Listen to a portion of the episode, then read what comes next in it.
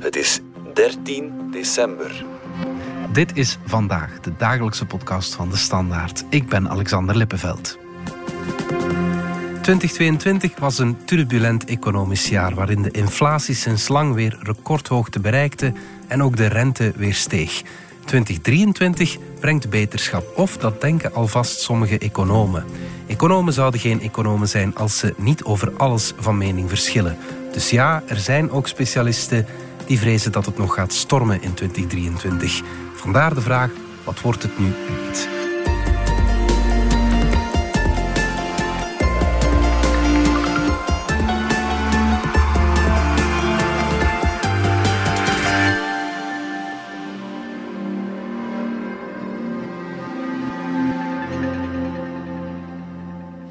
Ik ga wel meer kijken naar promo's en meer vooruitplannen. Dat krijg ik met, een menuwerk.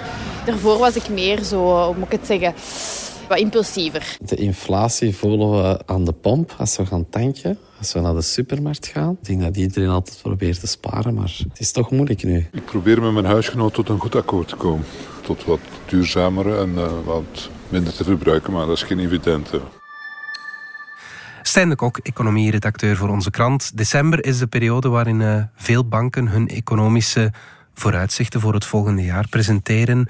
Maar laten we het eerst nog even hebben over 2022. Dat was wel een uh, turbulent jaar, hè? Wel, ik denk dat zowat iedere econoom er volledig naast zat voor zijn voorspellingen in 2022. Het zag er eigenlijk allemaal goed uit na twee donkere coronajaren. Ja. Maar ja, daar kwam president Poetin. Ja. Heel onverwacht valt hij Oekraïne binnen.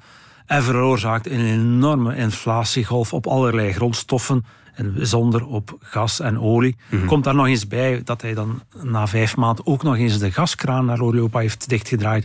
En je ziet een enorme inflatiegolf in gans de wereld. Hey, one, two, three, four up go the prices. Four, three, two, one down go my wages. I can't make sense of it anymore. Well, thought I got a pretty good education, and now I can't even keep up with inflation. Good times just headed out the door. En dat heeft dan natuurlijk geleid dat de aandeelbeurzen zijn gezakt, mm -hmm. maar vooral ook de rente gestegen. En dat was ongezien. We zijn eigenlijk aan één lijn door sinds begin jaren 80 hebben we altijd dalende rentes ge gekend. Mm -hmm. Met herinner u vorig jaar, negatieve rentes zelf. Want het tijdperk van de negatieve rentes, dat is volledig gekeerd. En dat heeft vooral ook op een enorme waardedaling binnen de obligatiemarkt gezorgd. Ja, dus ja. de veilige obligatiebeleggers, die hebben enorm grote verliezen geslikt. Ja, leg nog eens uit waarom die hogere rentes een manier zijn om inflatie te bestrijden? Wel, omdat de centrale bank, die heeft als belangrijkste taak inflatie op een normaal niveau te brengen. Ja. 2%, dat is een doelstelling.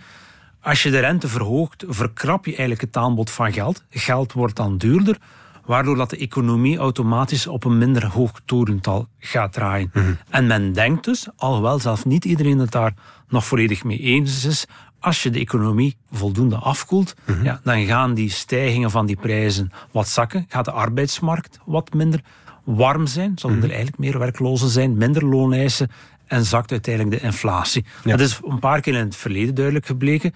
Maar er is wel wat ja, vragen als dit op dit moment nog zo goed zal werken. Ja, oké. Okay. We luisteren even naar wat Christine Lagarde, de topvrouw van de Europese Centrale Bank, daarover onlangs nog zei.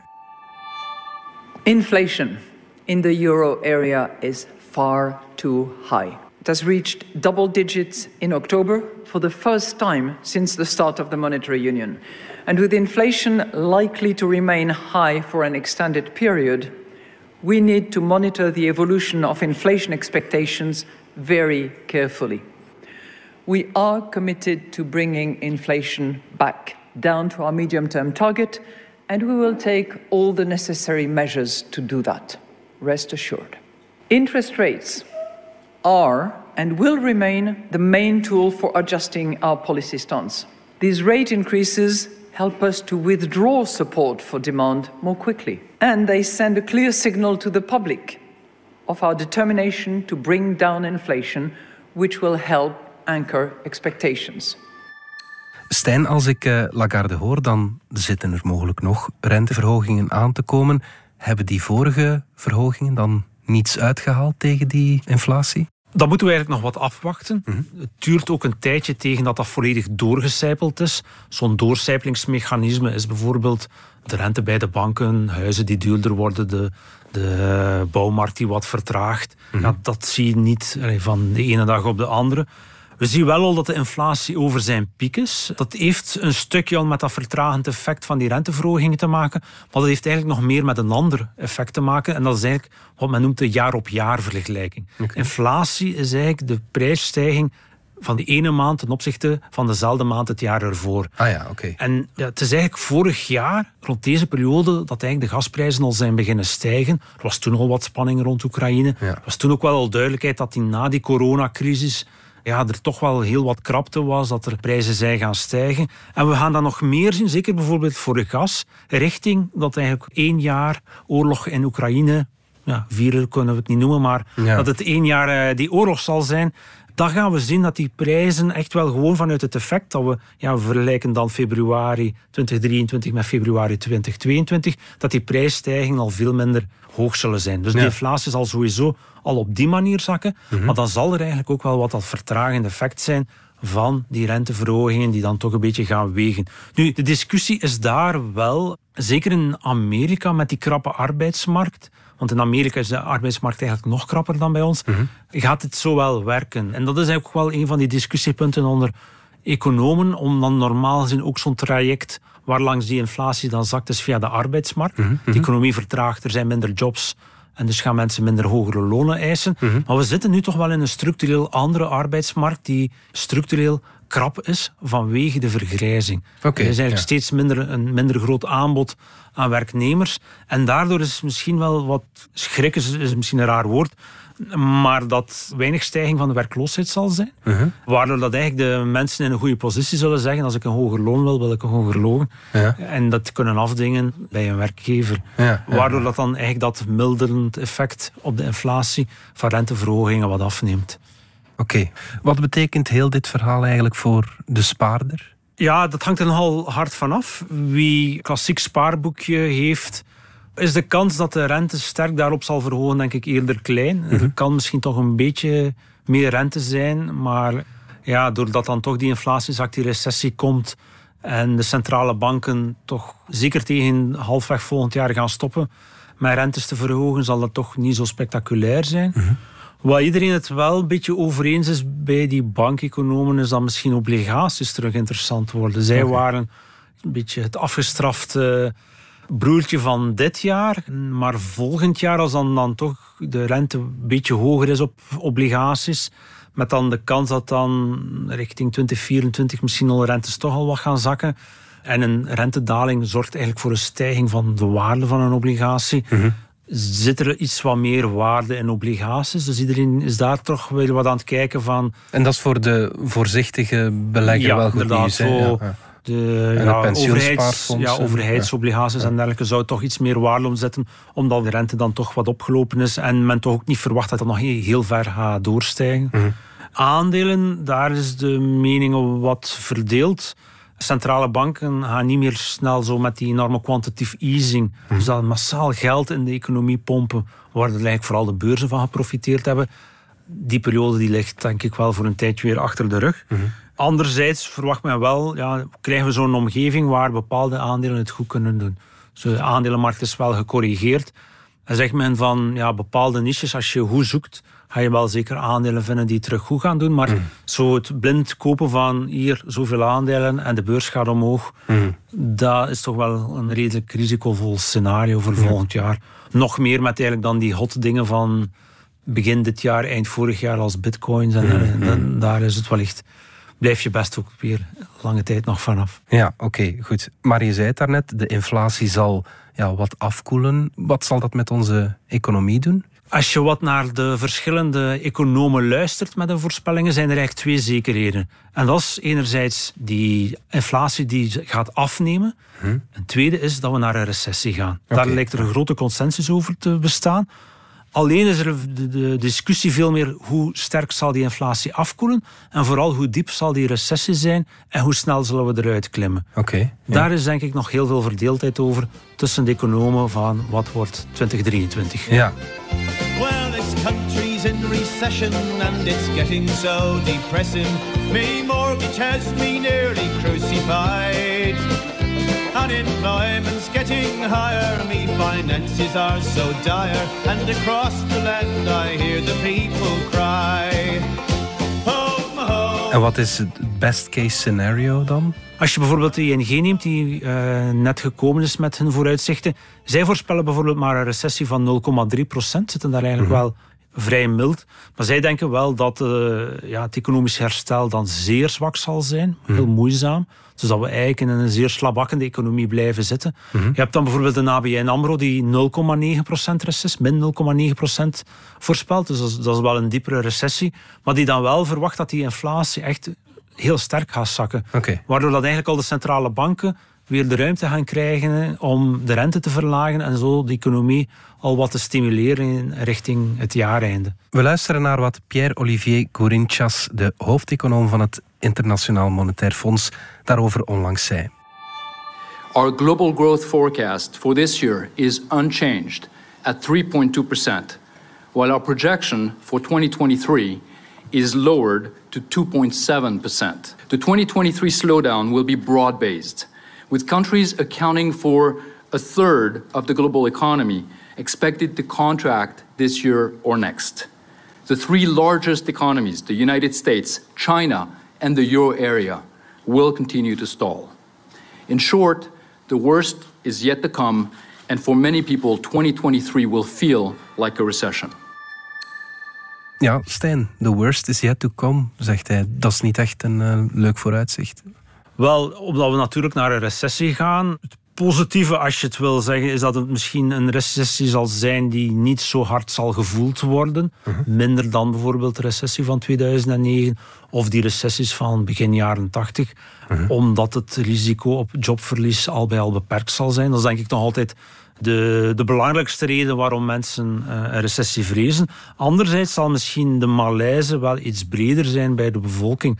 Omdat die inflatie of dat gevoel van wat verarming door hoge prijzen zal aanhouden. Mm -hmm. Misschien ja, in België zijn we iets beter beschermd met die indexering, maar in andere landen is er dan toch echt wel een ja, netto koopkrachtverlies. Mm -hmm. En wat er zeker voor Europa wel in zit, dat is bijvoorbeeld ook wel wat een ING heel duidelijk zegt, die gasprijzen die gaan hoog blijven. Mm -hmm. Die inflatie vanuit die gasprijzen die zal zakken, omdat dan al een jaar is dat ze hoog blijven. Maar ze zijn wel nog altijd ja, vier, vijf keer hoger dan voor de oorlog en, en of voor, voor de herfst van 2021. Ja, ja. Ja, ja. En dat geld moeten we dan toch leggen. Die verwarming die zal heel duur blijven. Mm -hmm. En dat blijft toch een stuk aan de koopkracht vreten, wat moeilijk zal zijn. En daar wordt toch meer en meer gezegd dat ook ja, volgend jaar er weinig kans is dat de gasprijzen zullen zakken. Mm -hmm. Omdat dit jaar hebben we bijvoorbeeld nog tot de zomer heeft Rusland gas blijven leveren. Mm -hmm. En dus konden we die grote voorraadtanks, die nu weliswaar vol zitten mm -hmm. in Europa, voor een stuk volpompen met Russisch gas. Dit zal nu niet kunnen. Mm -hmm. Er zitten nu wel voldoende gas om de winter door te komen, maar die zullen terug moeten aangevuld worden. Dat zal met LNG-gas moeten gaan, dat van ver op de wereld komt. Dat is duur gas en daar is ook niet zoveel van beschikbaar. Dus ja, dat hervullen van die tanks deze zomer voor richting winter 2023, dat wordt wel uh, een dure affaire, om maar zo te zeggen. Ja. Wat het dan toch wel wat, wat lastig zal blijven maken voor Europa. En daar zit daar ook zelf misschien een structureel gevaar in, omdat de gasprijzen ook voor industrie heel hoog blijven. Vier, vijf keer ook hoger dan in de VS. Ja. Waardoor we toch het risico krijgen dat er een deel van de activiteit naar de VS zich verplaatst. Ja, absoluut. Straks gaan we door op uh, de Verenigde Staten, maar nu gaan we er eerst even uit voor reclame.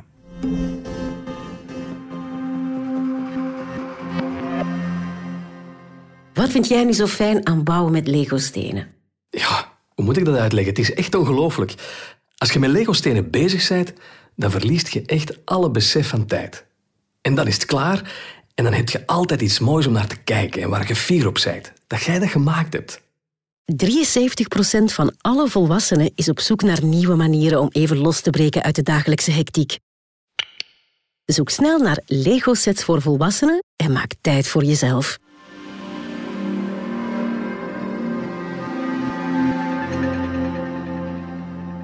Ik probeer bewuster om te gaan met de verwarming. Thermostatische kranen te plaatsen. En boodschappen maak ik lijstjes zodanig dat ik toch de belangrijkste dingen meeneem en de extraatjes laat. We zijn verhuisd, dus we hebben eigenlijk gebouwen met het oog op ja, een energievriendelijke woning. Een beetje ons budget in doog houden, maar wij doen gewoon verder. Ja. Ik denk dat wij altijd spaarzaam geweest zijn.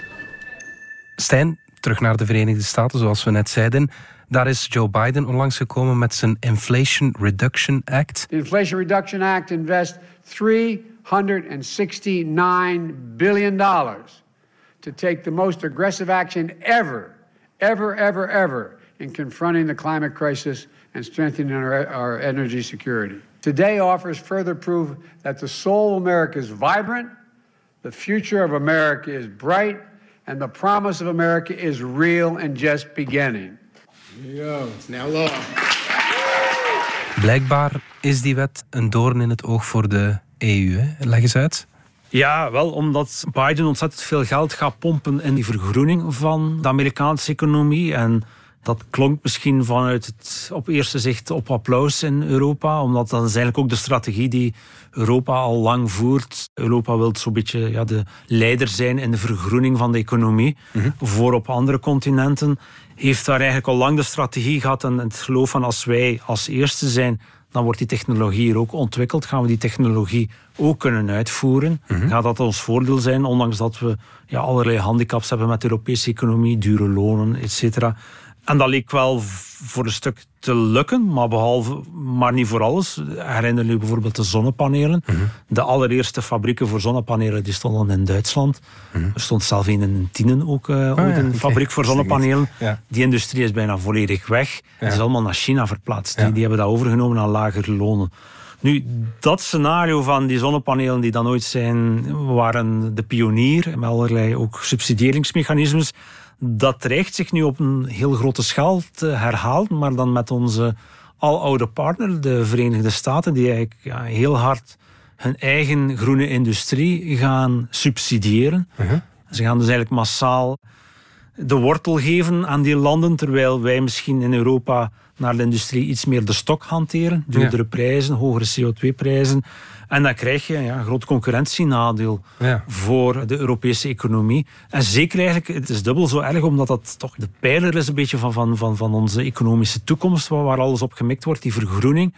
Eh, willen we daar sterk in staan, eh, een leider zijn. Maar ja, als dan alle batterijen voor auto's in Amerika ge- gemaakt worden, alle, als waterstof daar bijna gratis zal zijn. En wij gaan eisen dat bijvoorbeeld hoogovens op waterstof draaien. Ja, dan, dan gaat al staal gewoon vanuit de VS komen. Ja, inderdaad. En hoe reageert de EU daarop, die plannen? Ja, steeds kwader en kwader. Eh, het heeft precies wel wat tijd nodig gehad voor het, het besef groeide van eh, ja, dat, wat er was aangedaan. Ja, ik denk dat, dat men daar zo wat op miskeken had. Maar men was zo blij van, ja, na de Donald Trump-jaren, van ja, maar die Joe Biden, dat is een redelijke gast. Die, Mhm. die denkt een beetje Europees. Maar eigenlijk qua protectionistisch beleid is hij Ja. vriendelijker. Het is niet met de, de harde woorden van Trump, maar eh, in de feiten is het toch ook eh, een zware protectie. eh, ja. ja, Iemand die heel, wel. heel We protectionistisch delen wel werkt. de waarden, maar daarom doen we niet hetzelfde. Ja. Kan dat leiden tot een soort van ja, economisch conflict of een handelsoorlog? À la limiet wel. Ja, Europa probeert zich te verdedigen. Ja, Europa begint wel meer en meer te beseffen dat we aan één ziel moeten trekken. Ja, ook eh, onze relatie met China is toch eh, op dat vlak ook niet gemakkelijk. Ja, China, ja, waar dat toch nog altijd het eh, grote adagium geldt van copyright is the right to copy. En ja, we hebben allerlei van dat soort inbreuken van kopieergedrag. Ja, Europese producten die daar toch moeilijk op de markt komen of direct gekopieerd worden. Ze hebben daar geen rechtbank waar dat ze dan dat kunnen aanklagen. En dan ja, zit je nog een keer met uw aloude bondgenoot die het ook moeilijk maakt, die dan ons ook nog een keer in de tang heeft met hun veten met China, die nog veel erger is. En die zegt dan, eh, ja, zij willen dat China zich op technologisch vlak ja, bijna niet meer kan ontwikkelen. Wij mogen daardoor Europa ook geen enkele technologie uitvoeren, alles wat met chips betreft. Dus ja, eh, Europa zit daar wel in een heel lastig parket. Maar wat je wel wat ziet, is dat toch een beetje de naïviteit van Europa er wat uitgaat. Dat men toch ook begint te beseffen van ja, als iedereen zo hard zijn economie beschermt En wij spelen het zo zegt open volgens het boekje. Wij spelen het wel correct. Mhm. Ja, dan zit gewoon wat de pineut. En eh, Ja. dat we daar toch assertiever zullen moeten zijn. En ik denk dat al...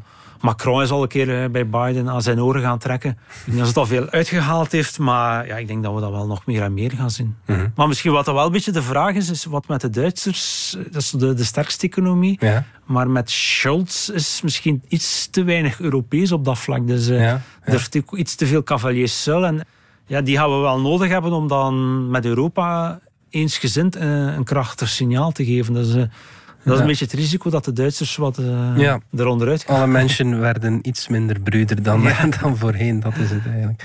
Goed, Stijn de Kok, dankjewel. Graag gedaan. Blijf nog even hangen, want ik heb een bijzondere luistertip. 22 maart 2016. Dat is de dag waarop de aanslagen op de luchthaven van Zaventem en in metrostation Maalbeek zijn gepleegd. Die datum, maar ook de beelden, de chaos, de paniek, ze staan bij iedereen op het netvlies gebrand. Maar wat gebeurde er voor de bommen ontploften? Hoe werden de aanslagen beraamd en wie zijn de daders die hiertoe in staat waren? Mijn naam is Cedric Lagast, journalist bij Nieuwsblad. En voor onze True Crime podcast De Stemmen van Assise maakte ik een vierdelige reeks naar aanleiding van de start van het proces in Brussel. Beluister de aanslagen van De Stemmen van Assise in je favoriete podcast-app. Dit was vandaag de dagelijkse podcast van De Standaard. Bedankt voor het luisteren. Volg ons op Spotify, Apple Podcast of eender welk ander podcastplatform. In onze gratis FDS podcast kan je niet alleen ons werk beluisteren, maar ook de beste podcasttips terugvinden met zorg geselecteerd door onze redacteur Max de Moor. Alle credits van de podcast die je net hoorde vind je op standaard.be-podcast. Reageren kan via podcast.standaard.be. Morgen zijn we er opnieuw.